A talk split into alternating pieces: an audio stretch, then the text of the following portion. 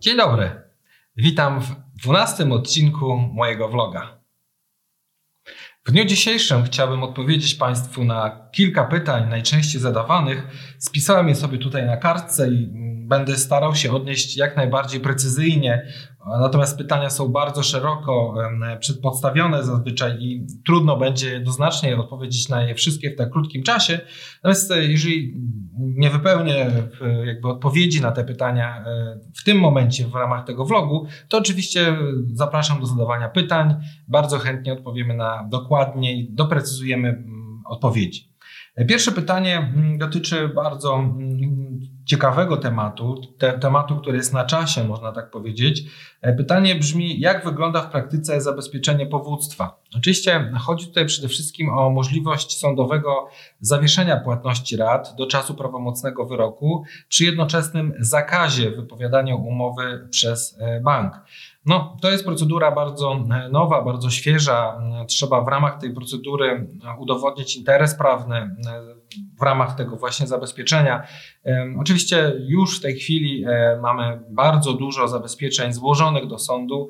E, w ostatnich dniach poszło nawet ponad już 100 takich wniosków do sądu na Będziemy oczekiwali na to prawdopodobnie około dwóch do trzech miesięcy, aż prawomocnie sąd zdecyduje, czy takie zabezpieczenie jest możliwe, czy jest zasadne. Przy czym oczywiście z naszego punktu widzenia takie zabezpieczenie powinno zostać uznane.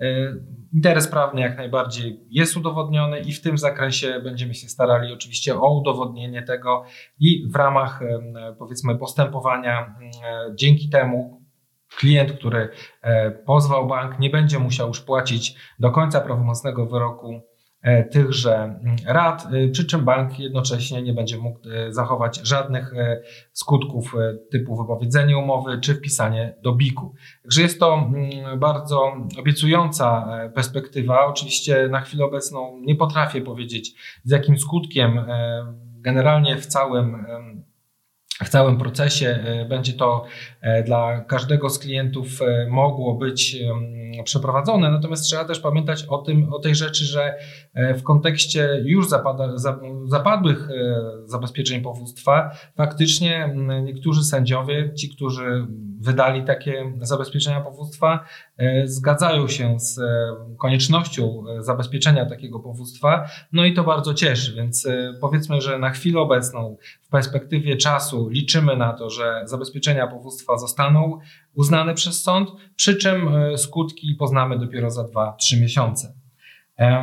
Kolejne pytanie dotyczące już oczywiście obecnej sytuacji, czyli tego, że sądy wracają do normalności. Oczywiście dzięki wejściu nowej ustawy zostanie wprowadzone wideokonferencja, zostaną wprowadzone inne okoliczności, które przyspieszą proces, takie jak możliwość wydawania e, wyroków e, na posiedzeniu niejawnym, jak przedstawienie stron e, pism zamiast przedstawienia mów końcowych, czyli też nie będzie konieczności odbywania ostatniej rozprawy, która najczęściej również zabierała kilka miesięcy, więc myślę, że dosyć sprawniej powinny być przebiegać te, te, te postępowania, przy czym na, na, pytanie, kiedy zostanie wyznaczona pierwsza rozprawa po złożeniu pozwu, no tutaj to pytanie jest bardzo trudne, e, do, żeby na nie odpowiedzieć, przede wszystkim z uwagi na to, że dzięki tej nowej procedurze w zasadzie ta pierwsza rozprawa może być też i ostatnią. Więc e, trudno powiedzieć tak naprawdę, jak poszczególne mm, sądy, jak poszczególni sędziowie będą podchodzili do realizacji e, właśnie nowej ustawy i w jaki sposób będą chcieli prowadzić e, sobie znane te sprawy, które wpłynęły do ich, do, do, ich referatu. Natomiast e, na pewno to jest tak, że oczekujemy, że bardzo szybko powinny nastąpić wznowienia spraw, które były już w tej chwili zawieszone bądź były w pewien sposób odłożone, czy wyroki, czy też terminy tych rozpraw. Dlatego Mam nadzieję, że zarówno jak i dla nowych, nowych spraw złożonych w sądzie, jak i dla rozpraw, które już były przełożone, w najbliższym terminie pojawią się e, kolejne terminy. Wokant czy też ogólnie e, wyroków. E, kolejne pytanie, czy banki po koronawirusie są mm, wypłacalne? E, to jest oczywiście pytanie bardzo złożone. Trudno nam powiedzieć tak bezpośrednio, jak wygląda wypłacalność banków. Oczywiście jest do tego wiele regulacji. Można tu powiedzieć, że też ponadto banki muszą publikować jedynie okresowo swoje wyniki. Natomiast jak widzimy już po informacji zarówno rzeczników prasowych banków, jak i innych osób, w tym prezesów banków, oczywiście zyski bardzo mocno spadły. Jest to o 70 nawet do 90% mniej zysków rok do roku. Także no, miejmy nadzieję z naszej perspektywy, że jednak banki są dalej wypłacalne, przy czym na pewno bardzo mocno ucierpiały mm, na tym kryzysie. E, kolejne pytanie, czy możliwe jest zakończenie postępowania w pierwszej instancji?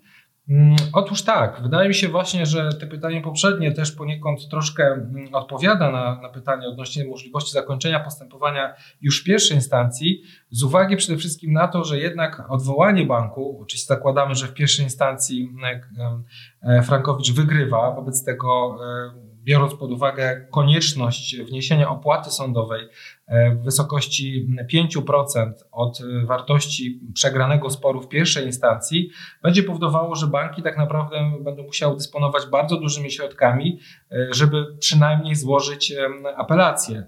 W skali oczywiście jednego kredytobiorcy czy, czy jednego procesu, nie, jest to, nie są to zbyt duże pieniądze, natomiast w skali wszystkich procesów, które są prowadzone, a przypominam, że ich są dziesiątki tysięcy, no te kwoty sięgają opłat sądowych, które będą musiały być wniesione przez banki, nawet setek milionów złotych. E, są nawet takie głosy, że, że sektor będzie musiał wygospodarować na samą apelację ponad miliard złotych. Także to są poważne kwoty i wo, wobec e, takich powiedzmy przewidywań, jest bardzo możliwe, że sprawy nie będą toczyły się, nie, banki nie będą się odwoływały do drugiej instancji, co zresztą widać na przykładzie innych sytuacji też Przypominajmy polisolokaty, kiedyś e, sprawy o polisolokaty były prowadzone też zaciekle przez Towarzystwo Ubezpieczeń. W tej chwili są nawet już ugody na, przed ostatnimi rozprawami, przed wydaniem wyroku przed sąd w ramach właśnie e, oszczędności, które Towarzystwo Ubezpieczeń chcą sobie wynegocjować w ramach takiej ugody na ostatniej czy przedostatnią rozprawą. Także tutaj oczywiście trudno podejrzewać, jak to będzie ostatecznym rozrachunku. Natomiast ja osobiście uważam, że w ciągu roku maksymalnie dwóch banki przestaną się odwoływać. Uważam, że nie będą miały żadnego celu w tym, a jedynym e, celem byłoby mm, przedłużenie procesu. Przy czym, jeżeli uda się to, co mówiliśmy na początku, e, wprowadzić zabezpieczenie powództwa, no to wówczas w ogóle bezcelowe będzie dla banku mm, prowadzenie, wydłużanie prowadzenia tego sprawy, obstrukcja procesowa. Po prostu i tak, i tak efekt prawdopodobnie każdy z nas dokładnie nie wie, jaki będzie. Natomiast z perspektywy czasu zobaczymy, czy faktycznie banki przestaną się odwoływać.